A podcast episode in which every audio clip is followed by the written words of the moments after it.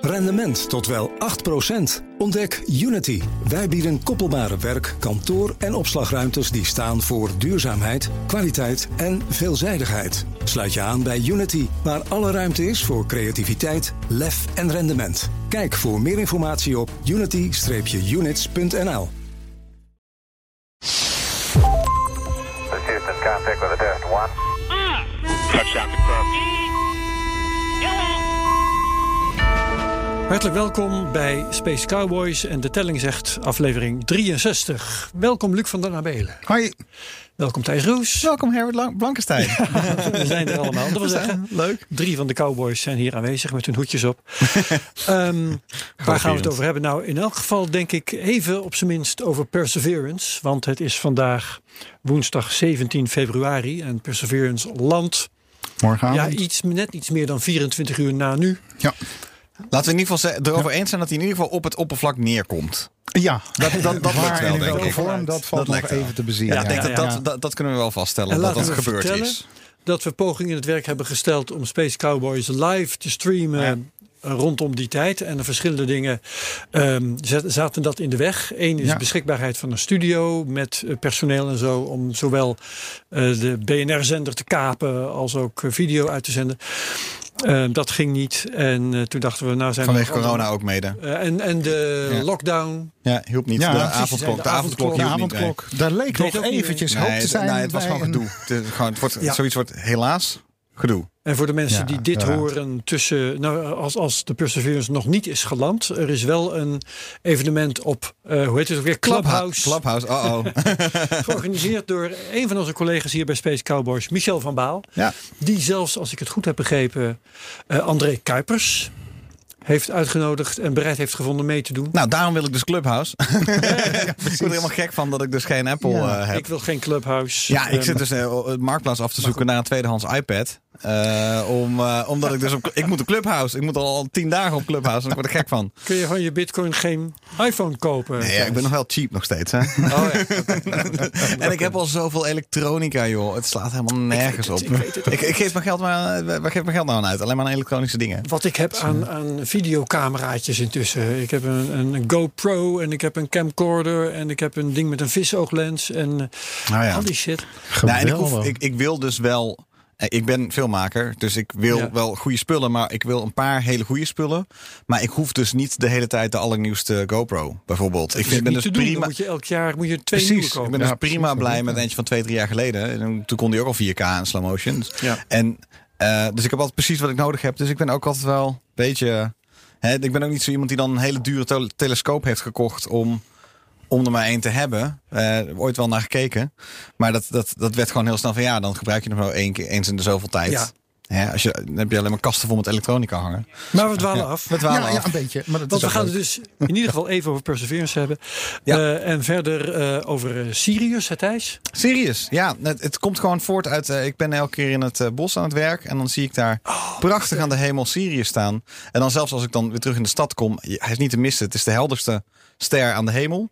Ja. Je kan hem nu fantastisch zien. En hij, het is gewoon zo'n bijzonder ding. Met, hij, knippert zo bizar. Dus ik wil het gewoon even over Sirius hebben. Ik heb ehm, ooit een blauwe maandag sterrenkunde gedaan. Mhm. En toen heb ik geleerd het begrip magnitude. Dus alle zichtbare sterren hebben een magnitude. En dat is gewoon omdat dat is, dat is ooit ontstaan ehm, voordat de moderne wetenschap echt eh, op, op zijn poten stond zoals nu. Dus het zijn gewoon eh, van 1 tot en met 5 grote klassen. En dan is er eh, maar één. eh, dus vijf is dan de. Dat zijn de minst heldere sterren. En één is de, zijn de meest heldere sterren. En ik geloof dat Sirius dan als enige buitencategorie is. Die heeft magnitude 0. Of het zou zelfs min 1 kunnen Oh, zijn. wauw. Ja. Zo helder is hij. Nou ja, en er zijn er dus twee, hè? Het is een dubbelster. Bedoel je? We gaan het er nog uitgebreid over hebben. Ja, en eh, Luc, eh, namens jou gaan we het hebben over eh, de, de SLS. Eh, ja, ja, laten we dat eh, ding maar weer eens te pakken nemen. Eh, Oh, is er weer een nieuwe test? nou ja, ja, eh, Ja. een hele hoop nieuws eromheen ook. En Virgin Galactic. En Virgin Galactic. En dat is een wat minder positief verhaal. Oh. Oké. Ja, en ik zie allemaal papieren voor je. Het is heel grappig. Ja, ik zie precies. allemaal Ja, papieren voor hem hangen. het- heel veel. Ik kom met een ster aan en hij komt eh, met acht, acht uitgeprinte verhalen aan. Dus dat Ja, is, ik eh, ben, ik goed ben, voorbereid. ik ben eh, Luc, old school. dankjewel. Hè? Ik, ik hou van printjes. Lekker. Eh, jullie geven geld uit aan elektronica. Ik gewoon aan boeken. En het afdrukken van foto's die ik in archieven vind. Dus, Nou, geweldig. Nee, hartstikke goed. En ik haak aan op jouw Sirius, Ja? Thijs. Want ik ga het hebben over Sirius, het satellietradiobedrijf. Oh, Die hebben een satelliet Ja, gelanceerd. van de Howard Stern, zeg maar, die. Ja, precies. ja, precies. Sirius XM. Ja, overigens een heel interessant medium. Mhm. Maar ze hebben een satelliet gelanceerd die niet wil werken. En er zit een verhaal aan vast over verzekeren. Maar die was toch door SpaceX eh, gelanceerd? Ja, de, de Sir- Sirius zou zijn eigen satelliet eh, krijgen. Hij doet het niet. Hij doet het niet. Hij doet het niet. Nou ja. Jammer hè? Ja, Nou ja, ja, dat komt jammer. goed eens voor. Straks meer. Ehm eens even, wat Nou, eerst- SN10 is misschien ook nog wel eventjes belangrijk. Dus, dat we SN10 even noemen. Ja. Eh, want eh, een nieuwe Starship wordt getest. Dus hou je ogen open voor een nieuwe ontploffing of landing. Ehm, volgens mij, ja, we, dit is vandaag woensdag. Het zal toch een keer Eh, goed eind gaan. deze week eh, is, is er wel weer een ontwikkeling. Maar je moet het Ja. wel in de gaten houden. Het is eh, eigenlijk de hele tijd onduidelijk wanneer er weer iets gaat gebeuren. En Texas had heel veel last van sneeuw. eh, Ja. En chaos. Koud, dus, wind, eh, uitvallende stroom. Het is eh, op het ogenblik niet zo interessant om in Boca Chica eh, te, Ja. Nee, te maar er was vanochtend weer wat aan de hand. Dus eh, ik, Oké. er, er gebeurt weer iets. Goed zo. Ja. Ehm, goed, Perseverance. Hoe schatten jullie de kansen in? Luc? Eh, 50-50 denk ik is, 50-50. is, het, eh, is het veiligst om, eh, om te zeggen.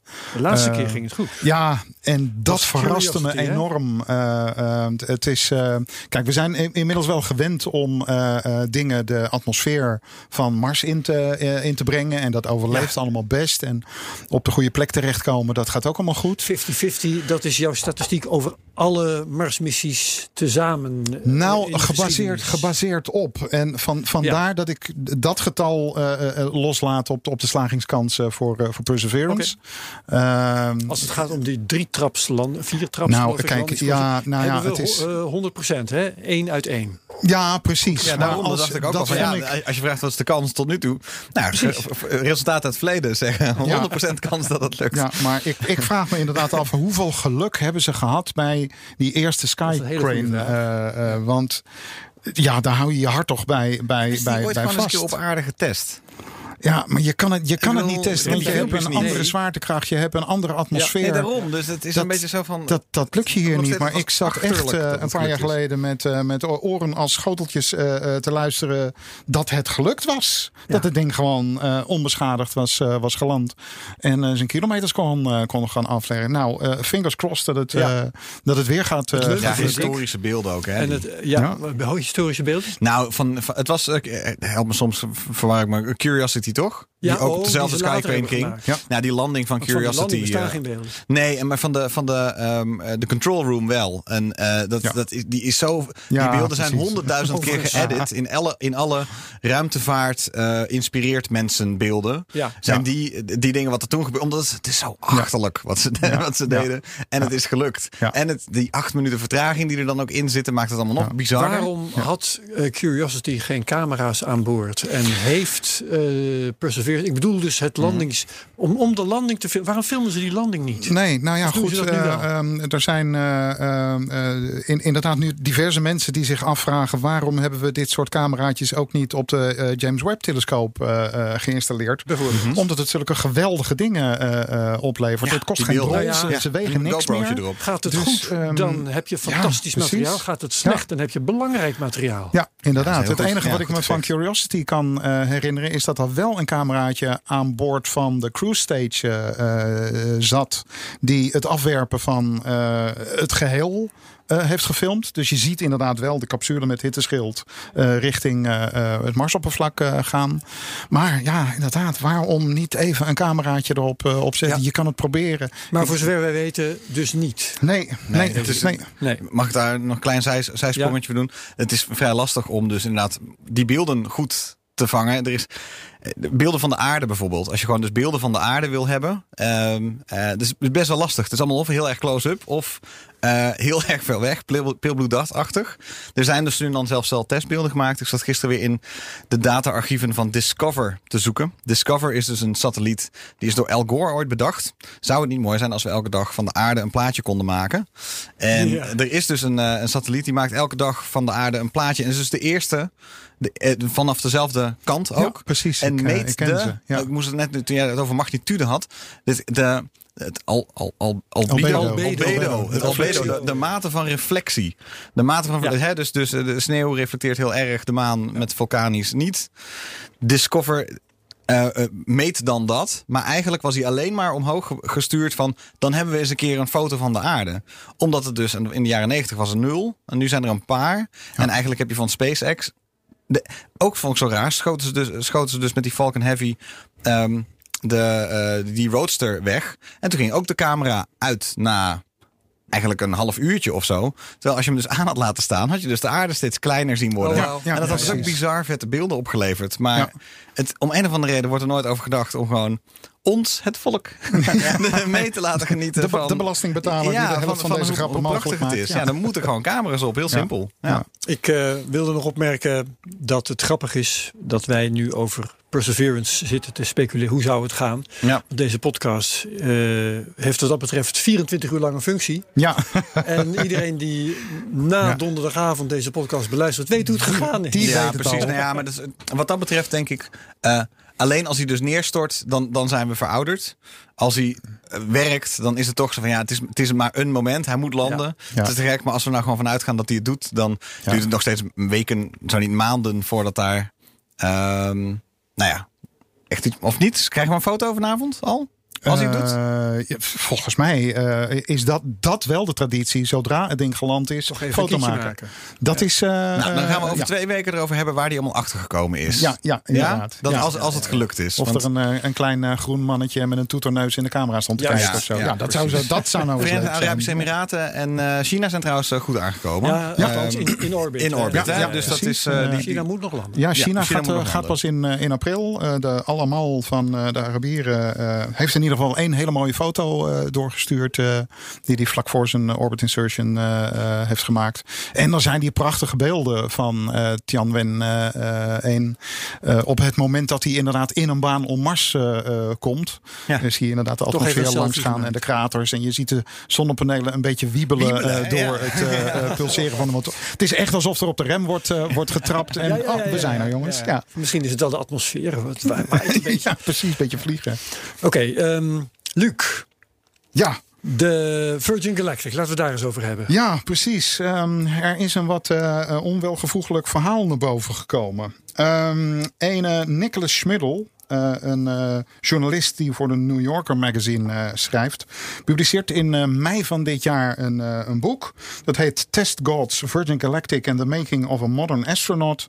Waarin hij een bijna ongeluk met Spaceship Two beschrijft. Dat is afge, vorig jaar februari gebeurd.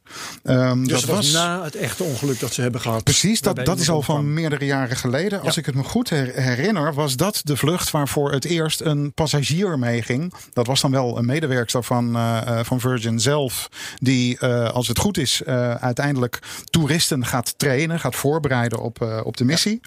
Ehm, die vlucht leek, leek helemaal succesvol, maar bij het binnenrijden in de, in de hangar bleek dat er scheuren zaten in ehm, de stabilisator. Een klein zijvleugeltje wat aan die dubbele staart vast, eh, vastzit.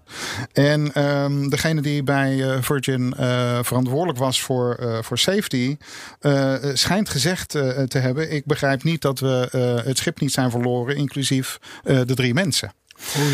Ehm, wat nog lastiger is en dus dat. nooit naar buiten gekomen dit. Nee, eh, ze hebben dat geheim gehouden, eh, volgens het boek, om geen onrust te veroorzaken. Ja, Welk dan- jaar was dit, zei je? Dit is eh, eh, 2019. eh, na, de, na die crash. Ja. Ehm, p- punt, punt is natuurlijk dat dit heel erg lastig eh, eh, is als je eh, bezig bent om klanten te werven. Om dit ding uiteindelijk commercieel te gaan inzetten. Ehm, dus ehm, ja, het lijkt erop dat er nog geen echte reactie van Virgin zelf is. Ehm, wel beschrijft het boek dus inderdaad ook nog eens een keertje dat er een, een externe testpiloot is geweest die de boel heeft onderzocht. Is daar een maand of wat mee bezig geweest uh, aan van 250.000 eh, euro. Ehm, en ehm, ja, de reactie, eh, of tenminste de, eh, de conclusie van de, deze schrijver zegt dus ja, ze wilden geen klanten afschrikken. Ehm, dus ik kan me voorstellen dat dit nog een gigantisch eh, staartje gaat, gaat krijgen. Kijk, het, het gaat sowieso al niet zo lekker met dit hele project. We zijn al een jaar of 15 bezig. Er is nog steeds niets de ruimte ingegaan. Afgelopen weekend rond Valentijnsdag was er aanvankelijk weer een nieuwe vlucht van het eh, eh, eh, ruimtevliegtuig gepland. Is niet doorgegaan omdat ze weer meer tijd nodig hadden om wat technische zaken te bekijken. Ehm, het zou mij niet verbazen als dit uiteindelijk de doodsteek is voor dit eh, programma. Zeker Ja, denken? als je kijkt naar ehm, eh, waar SpaceX mee, eh, mee bezig is. Mhm. Die gaat toch al redelijk snel de kant op van eh 50% commerciële klanten met zijn Crew, Crew Dragon. Andere 50% eh, NASA. Ja. ja, en die bieden gewoon wel orbitale vluchten van meerdere dagen aan. En ja, er zijn betalende mensen gevonden om aan boord van die dingen te stappen. Ja. Dus het zou wel eens kunnen dat Virgin Galactic gewoon achter het net gaat, eh, eh, gaat vissen. Ja, we, hebben het er eh, nog even over gehad. eh, Als het gaat over waar is, waar is het nou goed voor? Hè? De, de, het, het, het- deze specifieke niche. Het was alleen maar dat je dus in ieder geval een raket in orbit kan krijgen. Van waar dan ook ter wereld, omdat dat nodig zou zijn. Die niche. Dat is, een- het is een kleine niche. het is de, een van de kleinere niches. Maar ehm, het, zou kunnen dat het daar dan nog een soort use case voor zou kunnen Ja, nou ja, zijn. Maar het is je heel hebt het nu over Virgin Orbit. Dat is inderdaad de andere tak van, eh, van sport. Heb je het Het, alleen specifiek over de, de toeristenbusiness? ja, ja, ja, het suborbitale vliegtuigje. En eh, ja, Zouden de kosten Kijk, er niet gewoon lager kunnen zijn? Ik ja absoluut. Kijk, je hebt het daar, daarover eh, een paar honderdduizend eh, eh, dollar. Maar dan heb je dus inderdaad twee minuten eh, gewichtloosheid. Ja. En het is nu nog maar afwachten of je je astronaut mag noemen. Eh, Dat is wel belangrijk. Want ja, Gecertificeerd. die oude discussie, wat is het, 80 kilometer, 100 kilometer? Het is nog niet eens bekend of het ding echt die 80 kilometer gaat, Maar we hebben het gaat vooral halen. ook, en dat, dat, daar, daar gaat jouw verhaal over, over een non-zero kans om gewoon om te komen. Precies. Ja. En Ja. die is natuurlijk altijd non-zero. Is bij de NASA altijd zo geweest. absoluut. Ehm, je houdt bij eh, SpaceX natuurlijk ook nu dan je hart vast. Ja. Zeker als ze van. Maar goed, SpaceX heeft dan in elk geval die eh, originele agile manier van testen. Eh, precies, ja. waarbij je Eh, denkt, hoe, ja. hoe vaker ze zo'n ding onbemand in de hens laten gaan, hoe beter. Want Ja. dat leert ze te voorkomen dat het gebeurt als het eenmaal bemand is. Maar Virgin Galactic volgt het NASA-model. Ja. En eh, als ze, eh, ze, ze vliegen meteen met een vliegtuig rond. En als er iets misgaat, dan gaat er dus erg iets mis. Dat Ja. is al gebleken. Ja, precies. Nou ja, het, Ja. Ik, eh, ik, ik heb inderdaad ook die, die truc van dat dubbelvouwen van die staart nooit zo erg begrepen. Ja, dat is heel erg makkelijk, want het ding komt dan ontzettend stabiel de atmosfeer weer binnen. Maar ja, ik heb inderdaad ook wel eens gedacht van, als die nou niet terugvouwt, Ja. wat doen we dan? Dan is die wel stabiel, maar vooral stabiel tijdens een, eh, eh, eh, een ballistische eh, val naar de aarde. En dan heb je ook weer een, een gaatje in Ja. de bodem van de Mojave-woestijn. ja, het- Ja. Ik, ik, ik denk dat het moment gewoon eigenlijk voorbij is voor ze. Tien jaar geleden was dit van, oh jeetje, privé mensen kunnen naar de ruimte geweldig en het gaat niet veel kosten ook. En intussen gebeurt er eigenlijk maar niks. Nee. Maar in die tussentijd is wel SpaceX ontstaan. Ja. En eh, binnen een paar jaar zijn die eigenlijk in staat om ineens mensen naar de ruimte te laten vliegen. En als we niet uitkijken, straks naar de maan en Mars. Ja. Voordat eh, Virgin Galactic heeft, uh, heeft Totdat daar gevlogen. ook iets misgaat met mensen aan boord. Ja, Ja, dat gaat gebeuren. Ja, Ja, ehm, kijk, als, Ja, wat dat dat hebben we betreft al is het, heel is vaak het, over nagedacht. Wanneer gaat SpaceX dus een keer iemand dood? Ja, het, is, eh, het is natuurlijk bizar eigenlijk als je kijkt naar de eh, geschiedenis van, eh, van mensen in de ruimte. En als je dat vergelijkt met de beginjaren van de luchtvaart. Je, je kan die twee dingen eigenlijk nog steeds wel een beetje eh, eh, vergelijken. Ja. Ja. in de vliegtuigen kwamen ze om bij bosjes. En het heeft bij ons inderdaad tot tot lang geduurd voordat er doden eh, vielen bij. eh, maar bij goed, als je die vergelijking doortrekt, uiteindelijk is per passagierskilometer de luchtvaart de veiligste vorm van vervoer geworden. Ja, Dat is überhaupt. toch Ja, wel weer dat is leuk om te bedenken. Ja. veiliger dan eh, de bus nemen naar het vliegveld. Ja. Ja, inderdaad. Ik wil ook nog wel iets optimistisch zeggen. Dat, eh, je zou kunnen zeggen dat ehm, het toerismeplan een soort eh, stip op de horizon is geweest voor Virgin Galactic. Waar mensen in ieder geval enthousiast van werden. Ja, dat zeker. Eh, en niet Ja. van die ene niche van het... eh, Ja, maar ze moeten. hè, dus, eh, ze moeten nu nog monetizen als, natuurlijk. ze- als ze dus dit dat- ja. niet aandurven de komende dan moeten ze dus een, inderdaad een ander verdienmodel hebben. Ja. Nou, het is niet de eerste keer zijn dat Virgin eh, een beetje moet, moet schakelen. Ik bedoel, Virgin begon uit als Virgin Records, toch? Of ik weet niet waar die Ja. eigenlijk mee begon. Maar ja, ja, ja, ja. dat, Ja, Staat dat precies. nog eigenlijk? Ja, die cd-zaken. Nou, de nee, de winkels, de winkel, niet. winkels niet meer volgens mij. Het platenlabel nog wel. Ja. Eh, nou ja, goed. En het is wel toen, meer wat dat betreft. Is, Virgin is altijd zo'n soort ding geweest van eh, Richard Branson. Van zoveel mogelijk ideetjes en zoveel Ja. mogelijk eigenaarschap. Zeker, ja. En zijn, zijn Kijken stempel erop. Ja. Kijken wat blijft kleven. En het is altijd. Ik bedoel, Virgin eh, kwam even in Europa als, als, als eh, Virgin Airlines dan. Ook, ja. Ehm, Maar vervolgens weer verdwenen. Terwijl als je dan in Australië keek, dan was alles was Virgin, Ja. Virgin eh, Airlines. Ja. Dus daar had hij dan blijkbaar een goede voet aan de grond gekregen. Ja, dus dat ja, een beetje ook de Virgin's eigen misschien. Ja, nou ja, in- inmiddels heeft hij de hele luchtvaartmaatschappij verkocht en eh, is hij er helemaal niet meer bij betrokken. En, ja, kijk, het is natuurlijk ook gewoon een stinkend rijke eh, vent eh, die iedere keer nieuwe hobby's eh, eh, verzint. Ja, mijn hemel heeft ook een keertje volgens mij de, om de hele aarde gevlogen aan boord van een ballon. Ja, ja, snelste, snelste oversteek met een, een jacht over de Atlantische Oceaan. Eh, berg beklimmen, jeetje, die man heeft, dit, ja, dit is gewoon een grote levende jongensdroom. Ik ben alleen bang dat deze het misschien niet helemaal me gaat, trouwens te binnen gaat dat, dat hij bedrijven in elkaar timmert zoals SpaceX raketten in elkaar timmert. Ja, in principe wel. Lanceer Ja. ze maar Ja. en dat is... eh, En eh, eh, hij zegt nog steeds dat de eerste vlucht naar de ruimte, dat hij zelf aan boord klimt. Ja, dat heeft hij inderdaad. Oké, ja. eh, Ja, hij blijft dat het volhouden. ja, dus, ehm, nou ja, we Zo zullen lang zien. geleden, joh. Zo lang geleden.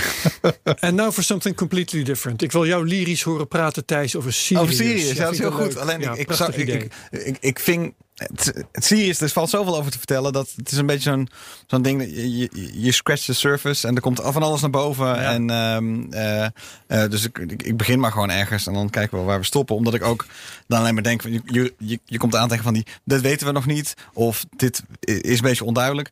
Maar Sirius dus. Als je eh, Orion naar Orion kijkt. Ik denk dat een hoop mensen Orion wel weten te vinden aan de, Ja, aan de hemel. Die uh, ja, Met die opvallende figuur. Ja. Van drie van die puntjes naast elkaar. En daar zit, hoort eigenlijk nog een heel ding bij. En als het heel helder Armen is, en benen heeft hij als het ware. Ja, armen en benen. Eh, we gaan het Ja. niet over Orion hebben, maar Orion is prachtig. Zelfs het, de, de, de Orion Nevel, zelfs als zwaard zie je in Orion. Nou, als je, de, als je naar Orion kijkt en je ziet die drie, eh, die drie sterren naast elkaar. En je volgt die een beetje naar links, linksonder. Dan staat daar Sirius laag aan de hemel. Ik denk een beetje zo het zuiden, zuidwesten. Zo, als je daar kijkt. Knippert daar aan, aan de hemel een ontzettend heldere ster. En dat is dus Sirius. En Hij eh, knippert. hij knippert enorm. Hij knippert zo bizar zelfs dat hij, als je er gewoon een tijdje naar zit te kijken, hij is wit en dan knippert hij blauw en rood. Als bijna als een soort politie eh eh, Zit dat in de sirene. ster zelf of is het atmosferisch? Nou, dat is een hele goede vraag. Eh, het, zijn- het is eigenlijk een combinatie van die twee dingen. Ehm, het, eh, het heeft ermee te maken dat eh, het is een hele jonge ster. Het is een hele hete ster. Is ongeveer twee keer zo groot als de zon. En ehm, hij staat ook ontzettend dichtbij. Dus ongeveer acht, acht lichtjaar, iets meer dan acht lichtjaar. Oh. Dus het is eigenlijk een buurster van Ja. ons. Ehm, die deeltjes die zijn dus vrij actief en komen dan vervolgens inderdaad atmosferisch, komen bij ons de atmosfeer in. Maar ook omdat hij dus in deze tijd van het jaar voor ons zo laag aan de hemel staat, of eigenlijk altijd van waar wij zitten hier in Nederland, staat hij laag aan de hemel, is er nog meer atmosfeer waar hij doorheen moet. Dus hij wordt nog extra knipperig. Dus eigenlijk alles is gewoon goed eh, voor de dingen om zo knipperig Een mogelijk te hele zijn. romantische ster. Het is een hele, ja. het is een hele romantische ster. Hij heeft meer iets blauwigs dan iets rodigs. Alhoewel er dus een tijd in de geschiedenis is geweest dat hij ook rood is geweest. Dus hij werd ook nog op een of andere manier door oude, oude eh, beschavingen als een rode ster omschreven. En daar zijn nog allerlei theorieën over hoe komt dat nou? Is er misschien een van een raar object daar in de buurt dat iets mee doet? Dat lijkt niet waarschijnlijk. Misschien was het een tijdelijke nevel die door de eh, ruimte trok. Waar, eh, waar Sirius even achter verborgen zat, waardoor hij zo rood was. Nou, heeft er in principe, zien wij dat nu niet. En eh, dus wa- afwachten tot hij een keer rood wordt, eh, I guess. Ehm, maar goed, het is dus niet één ster, het zijn er dus twee. Het is een ehm, binair stelsel. Je mag volgens mij geen dubbelster ook, zeggen. Ook pas vrij kort geleden ontdekt volgens mij. Hè? Eh, nee, Nee, nee, gek, nee, nee, gek genoeg dus niet. Eigenlijk eh 18... Ik, ik heb het, dit hoorde ik op een podcast, volgens mij 1844 of zo. Zo lang weten we Ja, echt al. lang al. Ja, Oh, lang. En werd toen al heel snel een soort object van studie. En Sirius, omdat hij dus de helderste he- ster aan de hemel is. Hè, al, al duizenden jaren zijn mensen ernaar aan het kijken. En ehm, de verhalen over aan het, eh, aan het verzinnen. Maar ehm, het, het, het, het, het, het trivia dingetje wat ik nu net even snel nog probeerde op te zoeken... is of het nou de eerste... Sorry, het is dus een, een, een binaire ster. Een grote, heldere, jonge ster. En een hele ou- stokoude... Nou, niet stokoud, maar wel echt oud. Eh, oude witte dwerg die er omheen gaat. En die witte dwerg die is dus ehm, 1864 ongeveer ontdekt. En ehm, ja, daar werd, wordt dus van gezegd eerste witte dwerg eh, ooit, ooit ontdekt. Maar ik krijg nu even niet 100% zeker, want ergens stond ook weer dat het de tweede was. De geschiedenis laat zich nou ja. nooit zo heel makkelijk vatten in, eh, in eerste en tweede.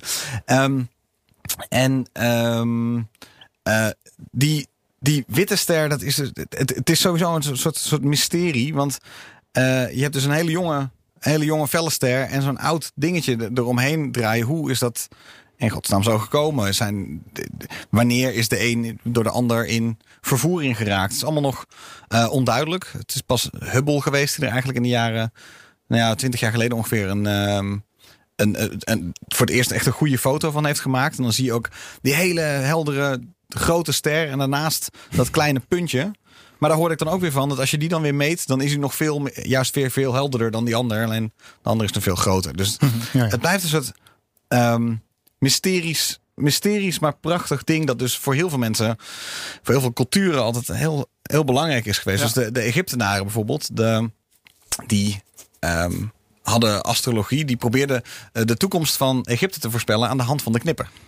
Oh. Dus, dus de, de knipper werd gelezen. Dat is vast heel goed gelukt. Nou, ik weet niet. eh, Kennen jullie papers die... Ik weet niet. ik- durf niet helemaal te zeggen dat het niet waar is. Maar eh, ik heb nog nooit... ik heb het idee dat de geschiedenis van Egypte zich niet heeft laten vangen door de knipper Nee. van Nee, nee. Sirius. Ehm, Nee. Maar eh, ik maak wel uit je verhaal op dat het blijkbaar fotografisch mogelijk is om die dubbel, die twee sterren van elkaar te onderscheiden. Ja, Want anders hadden ze dat nooit natuurlijk in de vorige, vorige eeuw ja kunnen nou, toen- vaststellen. Toen werden telescopen dus steeds beter. Dus het Ja. was een- en ook toen was het een, een kwestie van waar richt je hem op? Hè, om, de hemel is zo groot. Dus ehm, ik denk dat die vroeg kwam omdat het dus een van de helderste sterren was. En dan eh, Ja. ook rond En die tijd begon het steeds. Begon- waren we toch al wel. Even kijken, dus op 200 jaar eh, telescopen aan het maken, om het zo maar te zeggen. Dus Heb jij kunnen zien in de documentatie die je hebt doorgenomen wat de onderlinge afstand is van die twee sterren? eh, Sirius 1 en 2 of Sirius A nee, en B? durf ik even niet te zeggen hoeveel astronomical units dat Ja. zou zijn. Dat is, nee, dicht bij elkaar. Dat, eh, dat is wel duidelijk. En ze, En we- we- weet jij wat de meest 20, gangbare... 20 astronomical units. Dus dat is de afstand 20 van de. zo ver als de aarde van de zon afstaat. Oh, Oké. Ja. Beetje Jupiterachtig. Ja. Toch. Is dat ongeveer 20? Eh, zoiets. Ja, dus dan nog best een eentje, een weg. En ik hoorde hier trouwens, het is dus een, eh, ook net geleerd, een dubbelster is als je vanaf de aarde de, eh, naar een ster kijkt en het lijken er. Het, het lijkt er één, maar het zijn er twee en ze staan niet bij elkaar. Als ze wel bij elkaar staan en dus één stelsel vormen, dan noem je het een binaire ster. Dus in dit geval gaat het dus om een binaire stel. Ah, binaire ster, omdat het dus twee sterren zijn die ook daadwerkelijk om elkaar heen draaien. En niet alleen maar toevallig achter elkaar eh, staan. Dan mag je aarde wel een dubbelster noemen, maar Dan dan, is het een dubbelster. Oh, ja, dan noem je het een Ja, ja. Dat is dubbelster. nieuw voor mij. Wat, Ja, wat is nou de, de, de meest gangbare eh, eh, theorie over het ontstaan van die twee dingen? Want je hebt inderdaad zoiets van, ja, eh, eh, zijn ze samen elkaar? geboren? Eh, is, is de Nee, ze zijn dus niet samen geboren. Eh, ze komen waarschijnlijk wel uit dezelfde nevel. Dus dat Oké. over het algemeen is wel dan duidelijk van... oké, die moeten wel in dezelfde nevel ontstaan zijn. Maar ehm, ja, op welke manier die dan perfect bij elkaar zijn gekomen is onduidelijk. Ik bedoel, eh, het was dus een van de eerste eh, binaire stelsels... die zo goed onderzocht werd, om het zo maar Ja. te zeggen. Door de oude, niet door de nieuwe technologie... maar door de oude Ja, technologie. Ehm, langzaam is daar ook uit ontstaan... dat misschien zelfs de, eh, ons zonnestelsel ook ooit een binair ooit binair is, zou hebben kunnen zijn geweest. Ja. Omdat het gewoon zo kan zijn dat twee sterren elkaar tegenkomen. En ook door andere Ja. krachten eh, weer Ja. van elkaar weggaan. dus Ja. het, dat ze, hoe ze elkaar gevangen hebben is dus schier onmogelijk om te vertellen. En Of ze dus ooit weer van elkaar afgaan. Nou ja, dat zou misschien kunnen uitrekenen. Dat weet ik niet precies. Ehm, en het, eh, eh, eh, maar het, het- ik moet eens kijken. Volgens mij is die, die eh, Sirius B, die is dus eh 230 miljoen jaar oud. En Sirius A, ga ik eens even opzoeken. Hoe... Nee, ik heb hem even niet. Want wat zo lastig is, en daar ehm bumpt ik er tegenin. Omdat, je dus, omdat het dus een binair stelsel is, heb je dus als, het- als het ware Sirius. We hebben het over Sirius. En daar worden dus de hele tijd dingen over gezegd. Die dus als het ware op één van de twee sterren of als totaalster Ja. eh, ehm, eh, goed voor zijn. En waar, je dus, waar ik dus tegenaan liep was, oh ja, sommige van die dingen nog helemaal niet goed onderzocht. Nee, dus dus nee. te weinig mensen, te weinig telescopen die erop zijn, eh, die erop zijn gericht. Wat ik zei, Hubble was dus eigenlijk de, de eerste en de enige die er op dit moment Ja. goed onderzoek naar heeft gedaan. En er zal vast ergens iemand op deze planeet veel dieper nog in Sirius zitten. Maar diens bevindingen zijn nog niet, Nee, oké. zijn nog niet naar de mainstream gekomen, om het zo maar te Nou ja, dat is Daar zijn mooi om naar uit eh, eh, te kijken. Ja. Ja. Ik zou vooral dus eh, willen aan. Want, want ik probeer elke keer als ik iemand dus. als, als ik buiten de stad ben. Of zelfs in de stad kan je dus ook hartstikke goed zien. Je ziet hem ook gewoon hier in Amsterdam prachtig boven de Amstel staan. Ehm, kijk er voornamelijk naar. Want hij, hij valt zo op. En zelfs als het bewolkt is, zie je hem soms nog er doorheen. Eh, schijnen. Niet door een dik wolkendek, maar als het echt een beetje nevelig is, valt hij nog steeds enorm op. En hij is zo prachtig om te zien dat je er gewoon, zeker als je op, in de lockdown of op de avondklok niks te doen hebt, Nou ja, het wordt, eh, balkon staan. het wordt mooi weer dit weekend. Dus en neem even de tijd en zie hem lekker knipperen. Ja, Ja, hij is prachtig. Mooi. geweldig. Ehm, terug eh, op aarde. Wil ik jullie even trakteren op het verhaal van, eh, van ja, ik heb het grotendeels eigenlijk al verteld. Eh, Sirius, eh, het radiobedrijf. Ja, dan gaan we. Sirius XM. Ja, Heel interessant. Jij noemde Howard Stern. ja, daar ken ik het Maar ze eigenlijk hebben best een van. uitgebreid palet aan radiokanalen. Ja. En eig- eigenlijk is het een heel interessante manier om radio te ontvangen. Want je betaalt een abonnementsgeld. Ik, weet, ik heb me niet verder in de tarieven verdiept hoor. Maar het is iets in de buurt van de 100 eh, dollar per maand of zo. En dan heb je eindeloos veel radiokanalen zonder reclame. Echt eh, hele interessante muziekkanalen. En eh, dat, is, dat is bijna podcasting avant la lettre. Ja. Eh, allerlei gesproken woordkanalen, waaronder dan die Howard Stern. ja, wat ik heel grappig vind, is ik ken het voornamelijk uit de huurauto's in de Verenigde Staten. Oh, ja, ja, ja. Dus altijd als een huurauto hadden, dan zat daar altijd wel satellite radio eh, op. Dus inderdaad, het, het 70s kanaal, het 60s, En, en als je 60s dan kanaal. eenmaal hebt ervaren, dan wil je Beatles nooit kanaal. meer radio met die reclame. Dat is Nee, nee, precies. En wat dus echt te gek was, want ik kan me echt nog herinneren dat we dus, ehm, het was het WK van 2010. En we waren echt Voetbal. in de, ja, week, ja, voetbal. En we waren echt in the middle of nowhere ergens in de woestijn van de Verenigde Staten. en eh, we hadden een rit van eh, zes uur of zo. En Nederland stond dus echt in de, ja, wat was het? Het was op dat moment de kwartfinale volgens mij. Wel, Kwartfinale, ja. En, ehm, eh, en eh, dat heb ik toen via eh, Sirius XM hebben we het kunnen, hebben we het kunnen volgen. Omdat, we, omdat je dus overal bereik had. Alle andere radiostations, daar was gewoon, er was niks. Daar, ja, Christ, er, er is altijd in Amerika met iets christelijks te Een horen. Amerikaanse Ja, ja, ja. commentator of zo. Ik weet, ik durf bijna niet meer te zeggen hoe het, hoe het toen gelukt is. Maar ergens op Sirius werd dus, werd dus de kwartfinale van het WK in de Verenigde Staten toch nog een beetje een unicum. hoe je dat dan Ja, vindt en zo. Maar, nee, maar oké. het, is, het is dus in principe heb je iets van 100 kanalen. Dus dat was dan 10 sportkanalen. En één van die sportkanalen eh, was dan op dat moment eh, dat bezig. En toen heeft het zich wel bewezen. Want je hebt dus inderdaad geen, niet van die antennes nodig. Ook geen lange golf, korte golf, what- whatever. Nou ja, je, je dat komt gewoon van de een satelliet. soort satellietontvanger hebben, toch? Op zijn dak of weet ik waar. Daarom ken ik het van die huurauto's. Dus Ja. heel veel van die huurauto's hadden gewoon een Sirius XM ding. En al die huurauto's die hoe Ja. ze het precies oppikken. En dat is dan Geen schotel, hè, maar dat is er gewoon een plaatje. Dat zal wel, eh, ja. Een, een phased array of zo. Gewoon de autoradio, de knop Sirius XM, tra trademarked. Weet je wel? Die, Ja, eh, hoe het die- werkt, als het maar werkt. Ja, als het maar werkt. ja. Gewoon als de radio. Maar goed, ehm, Ja. Wat is er in godsnaam met ze aan de hand? Ja. Hebben ze tot nu toe zes satellieten eh, in space hangen. In geostationaire banen. En die eh, verzorgen dat netwerk. En er is onlangs een zevende gelanceerd. Per SpaceX, zoals jij al terecht eh, zei. En ehm, die hele vlucht die is trouwens ook live eh, gestreamd.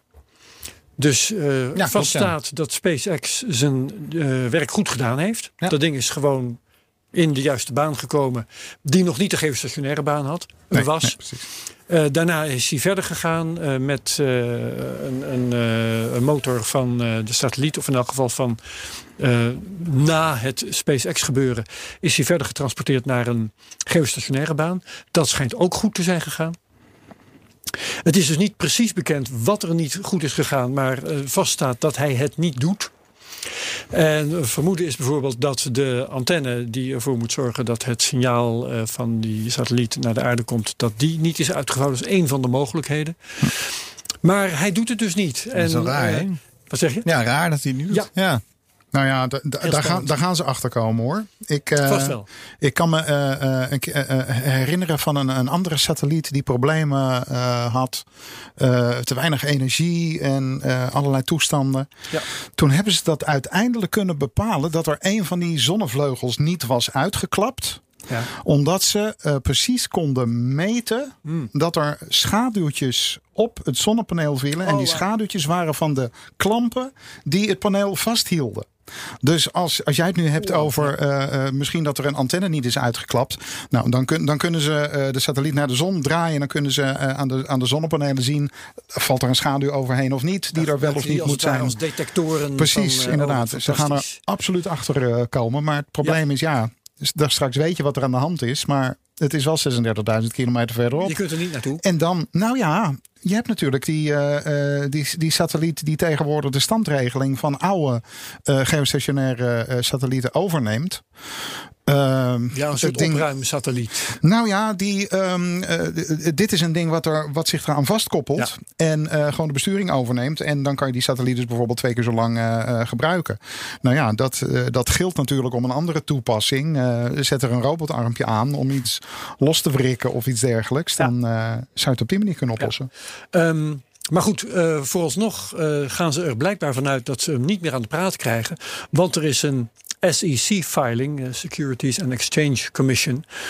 Waaruit blijkt dat ze ehm, een claim gaan indienen bij de verzekering. Ja, Want hij is verzekerd voor 250 miljoen dollar.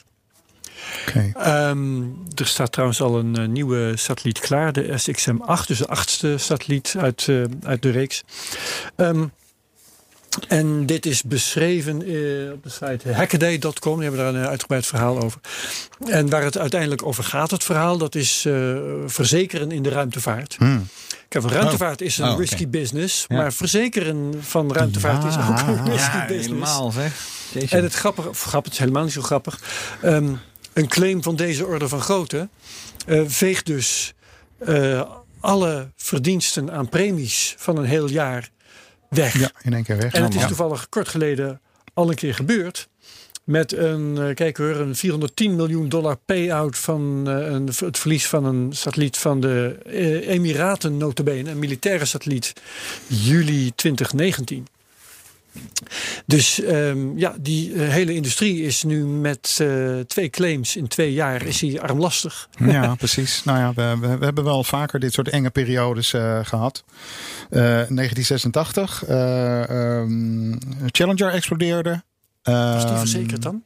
Dat niet, maar het rijtje werd een beetje lastig. Want ook Ariane, ook Delta 2 Hmm. Ja, als je en ook Titan gaat, eh, explodeerden. Het ja, hele. Westen zat een tijdje zonder eh lanceermogelijkheden. Oh, wauw. En ehm, eh, nou ja, in die tijd eh, eh, gingen er ook eh, eh, veel en veel meer lanceringen eh, mis dan nu. Of inderdaad, wat ik net noemde, klapte een zonnepaneel niet uit en is een, eh, eh, is een ding eh, eh, onbruikbaar. Ja, en dat geeft dan wel een enorme eh, druk. In die tijd eh, heeft het er, eh, eh, een, als ik me goed herinner, een tijdje toe geleid dat satellieten niet verzekerd konden, konden worden. Omdat de maatschappij het niet, niet aan, aandurfde. Ze hadden gewoon Ja. geen geld meer om uit te, Ja. te keren. Ja, Dus ja dat dat, betekent zijn, dat toch dat dat, je ehm, eh, hogere tarieven moet vragen Ja, bijvoorbeeld. precies. Nou, dat, eh, 1986 heeft daar toen ook enorm toe, toe geleid. En dat ja. de industrie moet gaan werken aan de lagere faalkans. Dat ook. Ja. Ja. Eh, over Sirius. Ik eh, was me nooit zo van bewust dat zij dus een eigen satelliet eh, hadden. Ik zit even te kijken Ja, van wat ja, was dan ja, de eerste. Die ging dus in 2000 eh, de lucht in. Sirius FM1 werd die genoemd. Mhm. En ehm, want ik dacht ergens nog van is het nou heel bijzonder dat SpaceX eh, eh, nu van, eh, van Sirius dus eigen satellieten de lucht in brengt. Blijkbaar niet. Maar waar, waar je mee begon is inderdaad, het is heel bijzonder. Want ze zijn volgens mij een van de weinige, en correct me if I'm wrong. Maar zijn er zenders die wij zo kunnen noemen? Netflix heeft ook niet zijn eigen satellieten. Zijn, Nee, er, er zijn was- er kanalen die er ook hun eigen infrastructuur hebben? Er was ooit één concurrerend bedrijf. De naam ben ik kwijt, maar misschien dat een van ons dat zo nog even googelt. Nou, het waren twee concurrerende bedrijven. Hè? Het waren Ja, de- dat Sirius, en XM. Oh, precies, Ja, dat ja. was het. Ja, ja, ja. Ja, ja. die, Nou, die twee zijn samengegaan tot. Sirius eh, XM. Ja, Ja, ja, want het is ja. Satellite XM, Satellite Radio XM en, En dat Sirius Radio. Zoiets. Een monopolie is het Ja, nu, eigenlijk wel. het gebied van satellietradio. Maar ze hebben dus ook een eigen infrastructuur. En dat, is- dat, ja. Ja. het is toch een beetje alsof. eh, ja, ik weet niet of Netflix ook de kabels naar je huis eh, eh, bezit. Ja, dus ja, ik, ik ja. kan me nu niet zo 1, 2, 3 een Nee. ander medium bedenken dat dus zijn eigen infrastructuur op die manier heeft. Nee. Dat is interessant. Dus als het, dan, als het dan kapot gaat, dan heb je echt een probleem. Eh, dat is waar, behalve dat het eh satellietradio wordt langzamerhand minder relevant. Omdat je natuurlijk in toenemende mate Ja. radio kunt ontvangen eh, via mobiel internet. Ja. Ja, Ja. nou, Eh, dit is uitgevonden toen mobiel internet nog niet of nauwelijks nog maar bestond. Ja. En eh, dus, dus de noodzaak hiervan is eh, geleidelijk aan minder. Absoluut. Daarom konden wij toen dus inderdaad midden in de woestijn luisteren naar die Ja, en voetbalwedstrijd. midden in de woestijn heb je een beetje weinig coverage waarschijnlijk nu dat nog. was niks. Ja, nu nog steeds. Maar als. Elon Musk eenmaal internet over ons uitstrooit via Starlink... Ja, ja, wordt precies. het hele Sirius-verhaal ook. Mi- Misschien blijft Sirius als bedrijf dan wel bestaan, Ja. maar distribueren ze hun diensten via Starlink. Dat Ja. zou heel goed zou kunnen. Klein, klein bruggetje naar, ehm, naar een nieuwtje waarvan ik niet helemaal weet of het ergens tussen al jouw papieren zit. Eh, Luc, maar, eh, nee, eh, dus die Falcon 9 die in, in, in zee is Ja. gestort. Oh ja. En die, ehm, eh, ja, eh, hij heeft eh, ook, dat ging verder eh, omhoog, ging het goed. Maar omlaag ging het niet goed. omlaag Drie, hebben die drie meeuwen zien zitten. Die, die, er Ja. zaten dus drie meeuwen eigenlijk zaten dus op, op het Op drone ship te wachten. Ja. Ik bedoel, dit sowieso zie ik niet zo heel vaak vogels erop zitten. Maar nu is, nu is Nee. wel heel toevallig. Die zouden Ja. gewoon tot, tot gebraande kippetjes zijn geworden, volgens mij. Ja, ja, en precies. en eh, nee, ja, die, Ja. die Falcon 9 zei, zei nee. Dus die is niet op de juiste plek geland. En ehm, eh, in zee gestort. En die is nu Ja. een koraal aan het Om worden. maar aan te geven dat eh, ruimtevaart nog steeds risky business Ja, is. blijkbaar. precies. dus Nou ja, ja, kijk, had het het- over zeker en het, zo. Toen dacht ik eh, ook van, ja, Het, het Gaat er bemoedigende is natuurlijk nu wel dat eh, een raket die niet landt, nu nieuws is. Nou ja, dat, Dat is was een wel eens anders. Dat is een Ja. goeie. ja, het zou de 25e landing zijn geweest van deze. Ja, ja inderdaad. Nou andere- nee, nee, de, het serie Ja, inderdaad. Het andere die we kunnen vaststellen is SpaceX draagt wel gewoon zijn eigen risico. Ja, nou dat is- ja, dat natuurlijk... beetje eh, de cost of business, hè? Is het, eh, Het is, ja. ja, Die maar kijk, het, het, is sowieso natuurlijk een hele rare, eh, een rare tent wat dat betreft. Eh, het is een raketbouwer die alles zelf bouwt. De Ja. motor die erin zit is van SpaceX. Van, eh, Satellieten die erop zitten. Het bemande ruimteschip. eh, eh, Ja. Ze doen alles zelf. Apple bouwt, En ze niet, bouwt hun eigen eh, telefoons niet eens zelf. Eh, Foxconn, nee, toch? dat is waar. Maar ze doen hun software en ze doen hun hardware. eh, Redelijk verticaal geïntegreerd. Ja. Ja, dus ja. En, eh, en, en, ja, dat is bij SpaceX ook. gewoon- Die hebben volgens mij nauwelijks suppliers ja, van. Nee, nou inderdaad, de kleine, de kleine Staal dingetjes. Waar het dan ook wel eens een keertje fout gaat. Want ik, ik kan me één eh Falcon 9 nog, eh, nog herinneren. Die eh, ineens in één grote witte wolk ophield te bestaan. En daar bleek toen dat er aan de binnenkant in de brandstoftanks zitten dan ook weer tanks om andere onderdelen onder druk te, te houden. En de, de, de support strut, de stang die dat ehm, ondersteunde, die brak. En dat was nou net een onderdeeltje wat ze extern hadden ingekocht. hadden. Dus, eh, eh, nou, zo zie je maar. Misschien Ja. is het best een goede, goede beslissing om alles lekker in je eigen schuur te bouwen. Ja. Iemand grapte nog op Twitter ehm, dat, dat hij wel wist waarom Falcon 9 eh, in zee was gestort. Dat, ze hebben per ongeluk de, de, de, ehm, de bellyflop van SN9 geüpload in de, in de, Ja, ja, in de Falcon 9. Ja, Ja. Het, zou, het, het zou zo kunnen. Nou, een kle- een klein leuk, leuk feitje is nog dat eh, eh, de duizendste Starlink eh, eh, met deze eh, lancering in de ruimte is gebeurd. Het Oh, zijn want was een duizend. Starlink-lancering, hè? Ja. Duizend. Het gaat snel hoor. Je Zo, bent even bezig. Nou ja, goed. eh, nou lanceren ze geloof ik ook elke twee weken. Dus Ja. wat dat betreft. En, eh, eh, het, het gaat nog steeds goed. Er zijn dus nog steeds, het, het is nog steeds in beta. En ehm zo, zo nu dan een, een, een hikje, zag ik. Het werkt, dit werkt niet helemaal eh flawless, maar daarom is het dus juist ook in beta. nee, precies. En 100 En, piek per maand, hè? Precies. ja, 100 euro ja. per maand, 100 dollar per maand. Voorlopig. En dat Kun gaat je dus in nog omlaag. Nederland al een abonnement krijgen? Nee hè?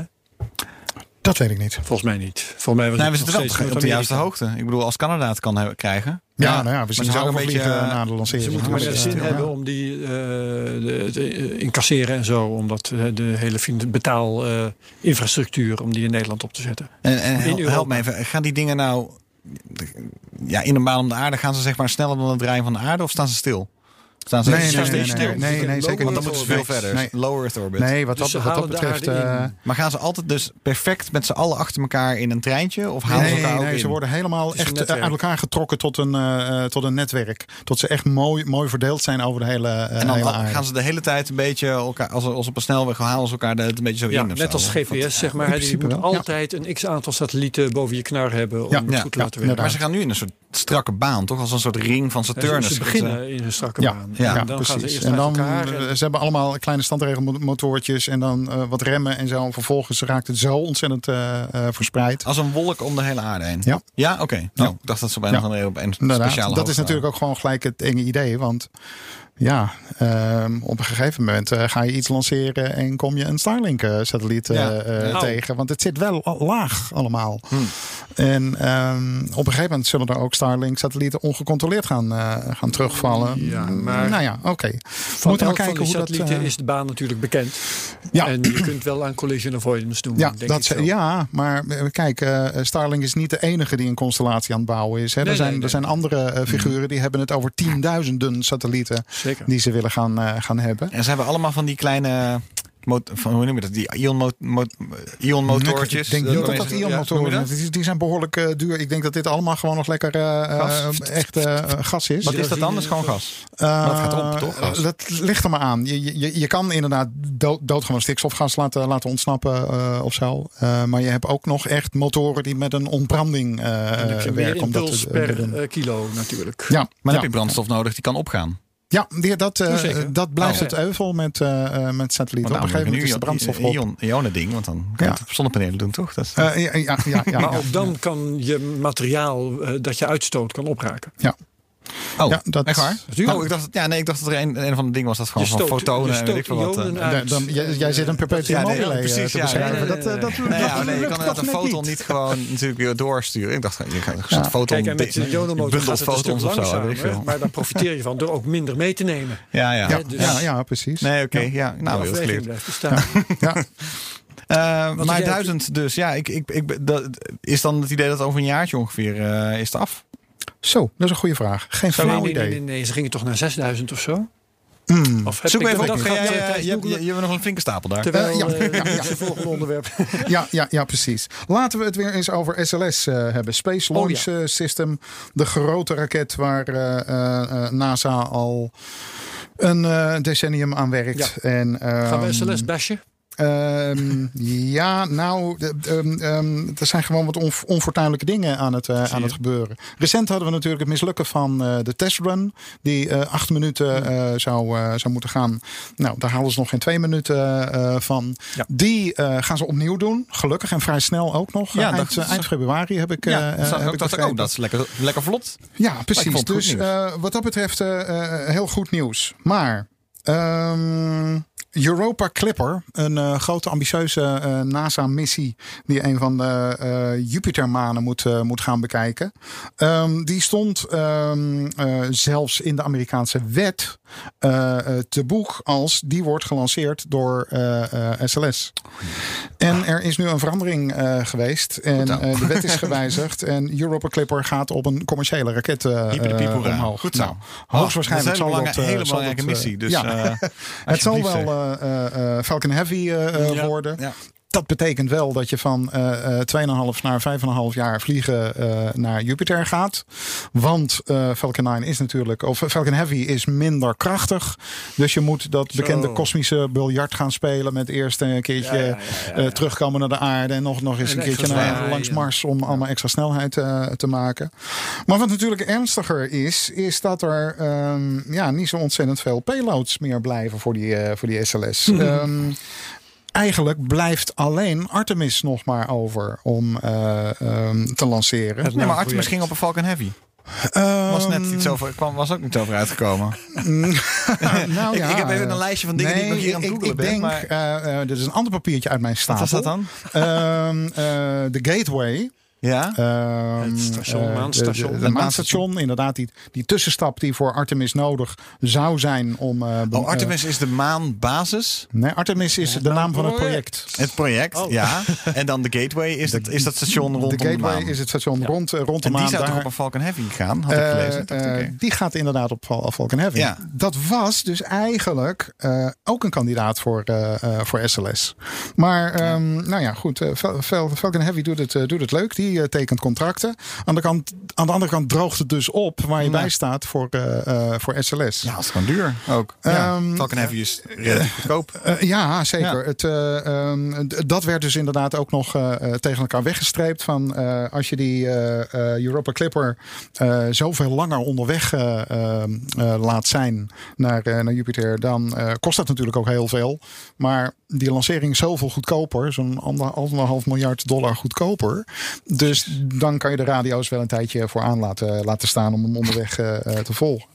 Ehm, Dan, ik denk dat gewoon SLS een prachtig project is geweest voor heel veel mensen om met pensioen te gaan of juist te leren Nou ja, hoe daar, raket werkt. En Daar, dan, eh, daar lijkt het wel een, eh, een klein beetje op. Want er, er blijft dus niets anders over dan naar de maan vliegen. En ja, als je een sonde naar eh, Jupiter uiteindelijk ook met een Falcon Heavy kan lanceren.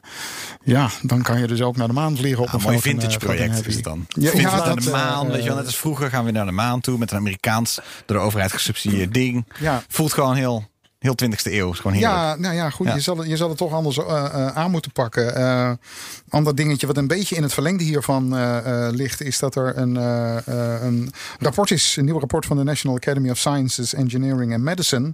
Die zegt van als wij ooit naar Mars willen vliegen. Dan kunnen we vergeten om dat te doen op traditionele vloeibare brandstoffen. Daar zullen we nucleaire aandrijving voor, eh, eh, voor nodig hebben. Waarom is dat zo? Ehm, zij hebben het erover eh, als je naar Mars wil vliegen met de SLS. Dan ben je zo'n tien jaar bezig met tien lanceringen die bij elkaar opgeteld 20 miljard dollar gaan, eh, gaan Dus het kosten. kan wel, maar het, wordt te duur. Ja, je, het- het bent alleen maar bezig om brandstof naar boven eh, te brengen. Voor, en inderdaad, vooral om uiteindelijk ook weer naar huis te kunnen. Maar wacht eens eh, even, eh, nucleair, je, je kunt niet nucleair lanceren, toch? Ehm, nee, maar kijk, dat is natuurlijk maar een, eh, een klein stukje. De spullen naar boven eh, brengen. Als je dat sowieso weer doet met, eh, met diverse losse raketten. Wat sowieso de scenario voor een bemenste Mar- Marsvlucht gaat, gaat worden. Ja, dan, dan kan je het allemaal netjes in een baan om de aarde samenstellen. En op dat moment je nucleaire motoren starten. Ehm, punt is alleen wel dat eh, ehm, eh, diezelfde Academy heeft gezegd van jongens, als we dat inderdaad willen gaan doen in de jaren 30 van eh, deze eeuw, moeten we vandaag beginnen met het ontwikkelen van die technologie. Want dat is het detail. Die hebben we dus nog niet. We zijn aan eind gekomen in de jaren 60. Ehm, het eh, eh, NERVA-project onderzocht toen nucleaire aandrijving. Dat is om allerlei redenen destijds gestopt. En daarna is er eigenlijk niks meer gebeurd. Veel papieren projecten, ook in de Sovjet-Unie. Er heeft nooit iets gevlogen, er is nooit iets iets Ja, getest. je krijgt maatschappelijk verzet, hè? Ehm, ook dat. Ehm, kijk, er waren al eh, eh, diverse protesten eh, toen bijvoorbeeld Galileo, wetenschappelijke satelliet, werd, werd gelanceerd. Want die had inderdaad kleine plutonium pellets. Werd door de shuttle gelanceerd. En eh, ehm, nou, er zijn toen zelfs inderdaad hier in, in Nederland bij eh, waren er protesten vlak voor de, voor de En lancering. New Horizons toch ook, of niet? Ja, inderdaad. Hetzelfde, hetzelfde geval. inderdaad. En ehm, ehm, ja, dat, dat blijft dus gewoon een, eh, een, een risico. Ehm, maar nou ja, ook, ook dit rapport eh zaagt dus weer de poten onder SLS eh, eh, eh, vandaan. Ja. Want ja, Maar ook, kijk, als, als, eh, als dit ehm, in het algemeen geldt, je haalt Mars niet op een acceptabele manier eh, zonder nucleaire aandrijving, dan moet Elon Musk ook heel goed luisteren. en daar zit nou net het, eh, het grote verschil. SLS is NASA. Ehm, de oude manier van, eh, eh, van zaken doen. Eh, iets kapot ontwikkelen bijna op papier voordat je iets gaat, eh, gaat De bouwen. knop aanzet. Ja. En ehm, eh, het grote verschil met het scenario wat Musk heeft is de herbruikbaarheid. Oké. Ja. Je hebt in principe ehm, eh, maar een handjevol Starships nodig om naar Mars te vliegen. Eh, je lanceert één exemplaar waar eh, de mensen in gaan zonder brandstof. En vervolgens stuur je een hele serie eh, ehm, eh, eh, zonder crew. Maar die vol zitten met, met brandstof. Dat tank je over. Ja, die recycle je gewoon, die paar, paar schepen. Totdat je voldoende bij elkaar getankt hebt. En schiet je de boel naar, naar Mars. Die herbruikbaarheid. En dat Maar is, dat- sowieso het, het, het overwoord bij, bij SpaceX. Is dat een, een praktische manier van doen? Dat je eh, een, een, een schip met mensen boven neerhangt en dat je die dan eerst eens eventjes uitvoerig gaat vullen met x, een x aantal missies en hem dan pas laat vertrekken? Dat klinkt wel mijl op zeven. Ja, maar ehm, laten we niet vergeten dat inderdaad meneer Musk hier als persoon achter zit. Hij wil binnen zijn leven mensen Ja. op Mars zien landen. En natuurlijk kunnen we Al zeggen van we gaan het optimaal aanpakken. We gaan de juiste technologieën eh, ontwikkelen. Nou, dan zijn we een halve eeuw verder. Dus hij zegt gewoon, ehm, jongens, die nucleair, dat is misschien wel beter. eh, Ja, maar eh, daar Maar heb ik dus de tijd niet voor. Want dat Wat is vandaag haalbaar? Ja, precies. Ja, ja, ja. En zo snel eh, nou ja, goed. eh, ehm, ik, ik ben eh, van die generatie die zijn hele leven al hoort dat wij over 30 jaar op Mars eh, ja, landen. precies. Potverdikkie, ik wil het meemaken, Ja, jongens, Ja. voordat ik blind in het bejaardentehuis eh, zit. Dus Dus ik ben, eh, ik ben Musk-fan wat dat Had- betreft. Had je hem bij eh, Joe Rogan gezien? nee, Dat is, eh, nee, Joe Rogan eh, had eh, het 3,5... Dan was dat die scène met die, met die joint? Ja, maar dat was, dat is, ja, dat met die wel joint, maar dat was al twee jaar geleden of zo. Hij was nee, hij, was Hij was Hij was, weer bij hij was, Joe hij was een week geleden was hij er. Oké, Eh, Drieënhalf uur heeft zitten kletsen. goede genade. En ehm, eh, ja, voor mensen die het allemaal al volgen, moet ik zeggen, eh, zoek, zoek een. Ja, als je het leuk vindt om te luisteren, moet je vooral luisteren. Maar ik, ik heb gewoon een, een highlights ding geluisterd. Want ik heb het begin geluisterd, dacht ik, ja, dit weet ik allemaal al een beetje al. Ehm, maar wat ik niet wist, was dat hij dus. Hij was geïnspireerd door een film met Sacha Baron Cohen. Welke was het nou? The Dictator. The Dictator. Daar zit een scène in waarbij eh Sacha Baron Cohen zegt... De raket moet puntiger. Hij moet puntiger. en toen heeft Elon Musk dus... Want er moet een mooi puntje op. Heeft dus ook zo bij SpaceX rondgelopen. Hij moet puntiger. Hij moet puntiger. En er, was, er, was dus, er is dus geen reden geweest om het te doen. Maar hij zag er gewoon... De Starship ziet er gewoon cooler uit met een puntiger topje. Dus hij heeft daar rondgelopen. ja. Hij moet puntiger. Hij moet Ja. puntiger. En dus is Starship puntiger geworden. Ja, precies. Inspira- op inspiratie van Sacha Baron Cohen. Nou ja, goed. eh, van- mooi vandaar dat Musk ook eh, eh, eh, de, de lanceertoren van complex eh, eh, 39 op, eh, op Kennedy Space Center helemaal gewoon gerestyled heeft. Als je Ja, nu klopt, inderdaad ja. door de Crew Access Arm naar de eh, Crew Dragon eh, loopt, heb je het idee dat je inderdaad in een of ander science fiction decor eh, zit. Ja, soort de ruimtepakken zijn door een modeontwerper in elkaar eh, Terecht gezet. Ja, ja, ja, ja. Terecht. Ja, ja. ik weet niet. Ik, iets te lang in de creatieve industrie rondgelopen om, dat, daar, om daar cynisch over te doen. Want het is echt zo van. De. Ja. Ja. ik wil. Ja, het Het, is- het- heel grappig genoeg is uiteindelijk. La, alle NASA-insignia zijn later pas hip geworden of zo. Hè? Die zijn de afgelopen tien jaar of zijn helemaal doorgebroken of zo. Maar tuurlijk moet je over, over, het, plaatje, over het plaatje nadenken. Ja, zeker. Hey, eh, wat dat betreft doet het me heel erg denken aan een soort kuifjeboeken. Eh, Ja, hè, ja. Die Starship lijkt zo uit. uit, uit eh, Nou ja, precies. Als, het, weg, eh, eh, als, je, als je iets doet wat science fiction lijkt, nou, dan moet het er ook maar zo uitzien. Dus, beetje eh, van de jaren 20 retro science fiction. ja. Hè, uiteindelijk een self-fulfilling prophecy Ja, geworden, ja, blijkbaar. ja, nou ja, precies. Het is als je, als je nu Starship ziet, eh, eh, ziet staan in de woestijn met de zon erop, bizar. heb je inderdaad het eh, idee dat je naar een film van Frits Lang kijkt. Dus puur de Art Deco. ja, ja, absoluut. geweldig. Ja, Ja. hoor. En ik moest, het, ik moest het nog wel een keer goed aan mijn vader uitleggen. Want die snapte het wat dat betreft niet helemaal. Van waarom is iedereen nou zo, zo, enthousiast over Ik- ja, ik kon ja. hem vertellen van nou ja, hoeveel zag jij naar de maan vertrekken? Hoe groot was die raket? En wat kwam er terug een koelkast? Weet je wel, waar een paar mensen in opgevouwen zaten. En toen. Als je gewoon een ding maakt dat gewoon de hele tijd op heen en weer kan. Dan is, het, dan is het zijn, dan is de toekomst hier. Ja, dat, ja, ja, dat, inderdaad. dat- dan is het... Dan zijn we ook Alleen, een soort eh, space alleen nog even recht op landen. Dat, eh, Ja, nu nog even Ja. recht op eh, een klein, klein detail. Ja. Eh, nog een laatste ronde. Eh, bla, bla, Ja, wat, eh, nog heel even bij. Het scherm schoot nog iets. schoot me- nou, oh ja, dat was het. Dank je. Het zijn allemaal even weer eh, een paar SpaceX updates. Sorry, dat is gewoon te veel. Ja, dit, daar zit alle actie op dit moment.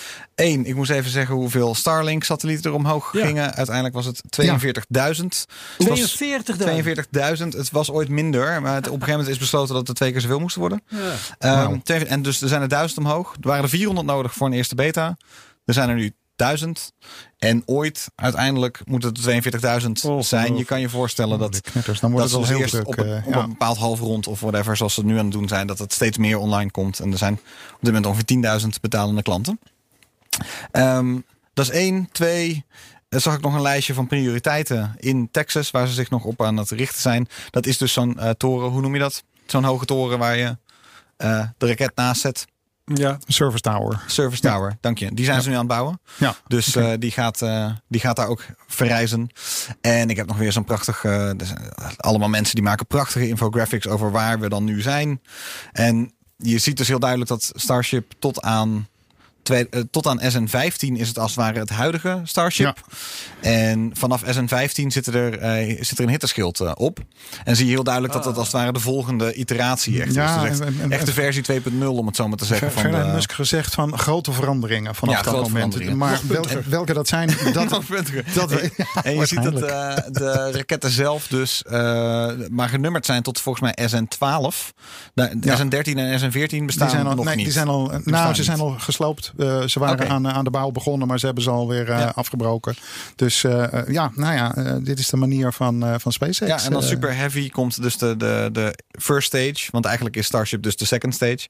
Eh first stage komt in Ja. april, Oh eh, mei. eh, Ja. Misschien eens een keer gaat die lucht in. Ja. Nou ja, misschien, tot misschien, zover. Misschien, wordt, misschien wordt een van die grote veranderingen wel dat die Starship in rood-wit geblokt gaat schilderen of zo. Je, je- je- je precies. weet, je weet het maar nooit. Gesproken. Ja, precies, inderdaad.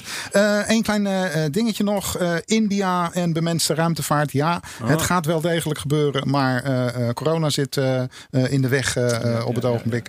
Wat heb je daar liggen? Human, je hebt een rapport van India daar liggen. Ja, het is de Humans in Space Policy for India 2021 is, eh, is neergelegd. Nou, zoiets. Ehm, eh, nou, de- boel is dus allemaal eh, vertraagd. Eh, eh, voor december dit jaar staat nog de eerste onbemande eh, vlucht van Gangayaan eh, gepland. Het ruimteschip waarmee eh eh, Indiaanse cosmonauten de ruimte in, eh, eh, in moeten. Ehm, vervolgens eh, eh, een jaar later eh, een tweede exemplaar. En kort daarna een eerste bemande missie. Maar dat gaat dus inderdaad toch 2023 wel, eh, wel worden voordat het zover is. Ehm houdt de Indiërs niet tegen om eh, goed na te denken over, eh, over wat ze willen. En ehm, ja, dat is eh, eh, toch behoorlijk eh, eh, ver, eh, verstrekkend. Ze hebben het over eh, het ontwikkelen van eh, rendezvous- en koppeltechnieken. Wat erop duidt dat ze een ruimtestation eh, eh, willen hebben. Het ontwikkelen van eh, ruimtepakken die voor ruimtewandelingen eh, geschikt zijn. Eh, eh, er zit heel duidelijk eh, de wetenschappelijke eh, componenten eh, onder. En het moet India eh, vooruit helpen. Het moet de maatschappij helpen. Nou ja, goed. Dat is natuurlijk verschrikkelijk veel. eh, eh, heel erg breed. Eh, je kan er van alles onder, eh, eh, onder verstaan. Nou, Maar, ambities ehm, geen gebrek dus. Nee. Nee, precies. Eh, moet, ehm, ook, eh, moet ook wel, zou ik zeggen. Ik bedoel, het is Ja. land. ja, Ja. bo- bovendien, ze hebben dit, eh, eh, dit stuk inderdaad gepubliceerd eh, onder het eh, motto van kom met suggesties en, eh, eh, en aanbevelingen. En eh één onderdeel is dus inderdaad eh, een duidelijke outreach, publiek eh, eh, betrekken, eh, studenten eh, ehm, eh, enthousiast maken voor techniek in het algemeen en eh, ruimtevaart in het, in het bijzonder. Dus ehm, ja, dit eh, eh, heeft er alle schijn van dat zij heel serieus die vierde macht in bemenste ruimtevaart willen worden. Prachtig. Nou, Oké. Nou, ehm, allebei bedankt. ja, dat was hem. Luc van der Nabelen. Leuk. Thijs Roes.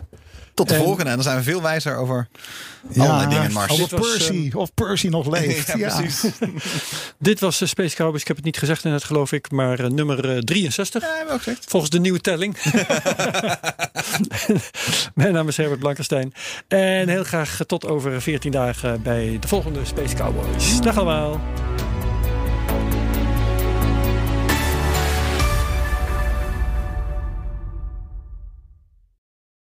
Rendement tot wel 8%. Ontdek Unity. Wij bieden koppelbare werk, kantoor en opslagruimtes die staan voor duurzaamheid, kwaliteit en veelzijdigheid. Sluit je aan bij Unity, waar alle ruimte is voor creativiteit, lef en rendement. Kijk voor meer informatie op unity-units.nl.